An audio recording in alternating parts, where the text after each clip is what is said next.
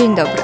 Zapraszam na podsumowanie tygodnia redakcji Euractiv Polska. Nazywam się Patrycja Gosk i razem z Bartkiem Sieniawskim opowiemy Wam, co działo się w tym tygodniu na świecie. Dzisiaj będzie m.in. o wyborach oraz zamachu w Brukseli. Na stronie Państwowej Komisji Wyborczej pojawiły się pełne wyniki wyborów. Zwycięża Prawo i Sprawiedliwość, ale demokratyczna opozycja może utworzyć własny rząd. Pełne wyniki wyborcze do Sejmu prezentują się następująco. Prawo i Sprawiedliwość 35,38%. Koalicja Obywatelska 30,70%. Trzecia Droga 14,40%. Nowa Lewica 8,61%. Konfederacja 7,16%. Pozostałe komitety nie uzyskały poparcia wystarczającego do przekroczenia progu wyborczego.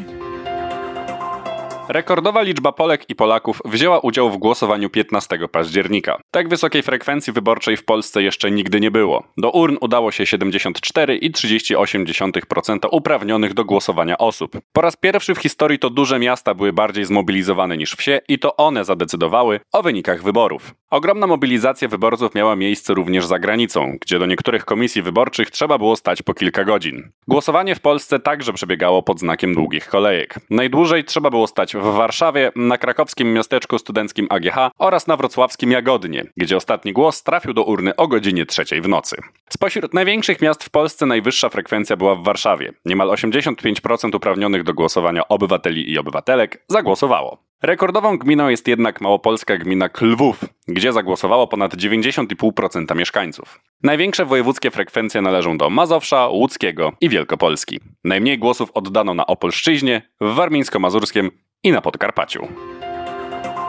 Referendum, w którym Polacy odpowiadali na cztery pytania, powszechnie postrzegane było jako sposób na mobilizację elektoratu PiS. Wyborcy, którzy nie popierają tej partii, zdecydowali się na jego bojkot. Według wytycznych Państwowej Komisji Wyborczej każdy wyborca miał możliwość odmowy którejkolwiek z trzech kart wyborczych, a odmowa ta powinna zostać odpowiednio odnotowana. Taką chęć powinien jednak zgłosić sam wyborca. Z relacji Państwowej Komisji Wyborczej wynika, że w wielu komisjach członkowie sami pytali o to, czy wydać kartę do referendum. Miażdżąca większość osób, które zdecydowały się na udział w referendum, na postawione w nim pytania odpowiedziały przecząco. Frekwencja poniżej 50% spowoduje, że nie będzie ono jednak wiążące. Eksperci i politolodzy spodziewają się, że potencjalny rząd opozycyjny może powstać dopiero w okolicy świąt Bożego Narodzenia. Wszystko wskazuje na to, że prezydent Andrzej Duda najpierw powierzy misję tworzenia rządu swoim kolegom z obozu Zjednoczonej Prawicy, w związku z tym, że to PiS uzyskało najwyższy wynik wyborów. Rząd ten jednak ma małą szansę na otrzymanie sejmowego wotum zaufania, w związku z tym, że to demokratyczna opozycja uzyskała najwięcej mandatów. Kolejna misja utworzenia rządu może trafić więc do przedstawicieli obecnej opozycji. Rozmowy negocjacyjne powinny odbyć się jak najszybciej, żeby opozycja zachowała wizerunek potrafiący się porozumieć w tak ważnej sprawie, zaznaczają politolodzy. Jeśli do rządu obecnej opozycji w ogóle by doszło, najprawdopodobniej powstałby on blisko końca roku. Pierwsze zebranie Sejmu dziesiątej kadencji odbędzie się prawdopodobnie krótko po 11 listopada. Na listę unijnych ministrów środowiska może wkrótce trafić Rudolf Huliak, kandydat zgłoszony przez Słowacką Partię Narodową. Polityk uważa m.in., że zmiany klimatyczne zostały wymyślone przez elity, a ich celem jest odebranie ludziom samochodów.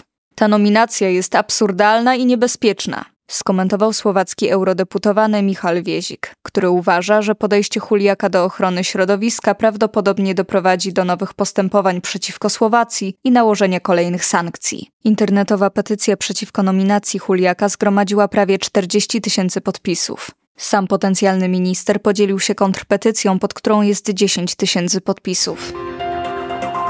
W Brukseli doszło do zamachu terrorystycznego. Uzbrojony mężczyzna powiązany z państwem islamskim zabił dwie osoby na ulicy w stolicy Belgii, a następnie przez kilkanaście godzin przemieszczał się po mieście, unikając schwytania przez policję. Sprawca, Tunezyjczyk Abdeslam S., dostał się do Belgii nielegalnie. Posługiwał się pistoletem maszynowym i to właśnie tą bronią zabił dwie osoby i ranił jedną. Ofiarami zamachowca byli szwedzcy kibice piłkarscy, którzy do Belgii przybyli na mecz swojej drużyny narodowej. Do zdarzenia doszło 16 października. Dopiero dzień później policja w końcu namierzyła terrorystę. Po krótkiej strzelaninie z funkcjonariuszami mężczyzna zginął od postrzału w klatkę piersiową.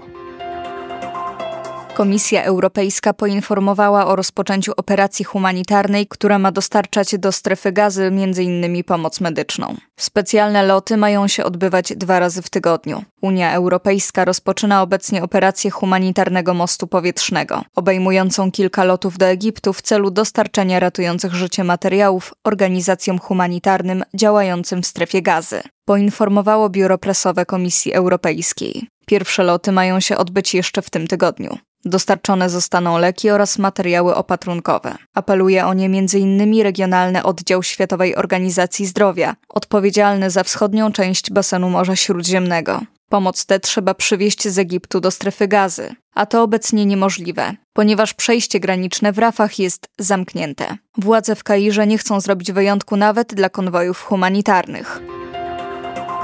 Czechy rozważają przeniesienie swojej ambasady w Izraelu z Tel Awiwu do Jerozolimy. To kontrowersyjny ruch, na który nie zdecydował się jeszcze żaden kraj europejski. Jerozolima jest terytorium spornym pomiędzy Izraelem a Palestyną i oba kraje roszczą sobie prawo do uznawania Jerozolimy za swoją stolicę.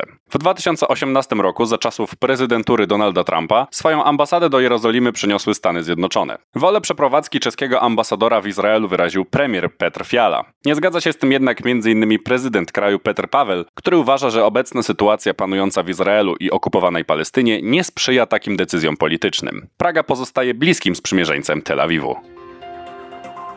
To wszystko w dzisiejszym podsumowaniu tygodnia Euractiv Polska. W imieniu całej redakcji życzymy udanego weekendu.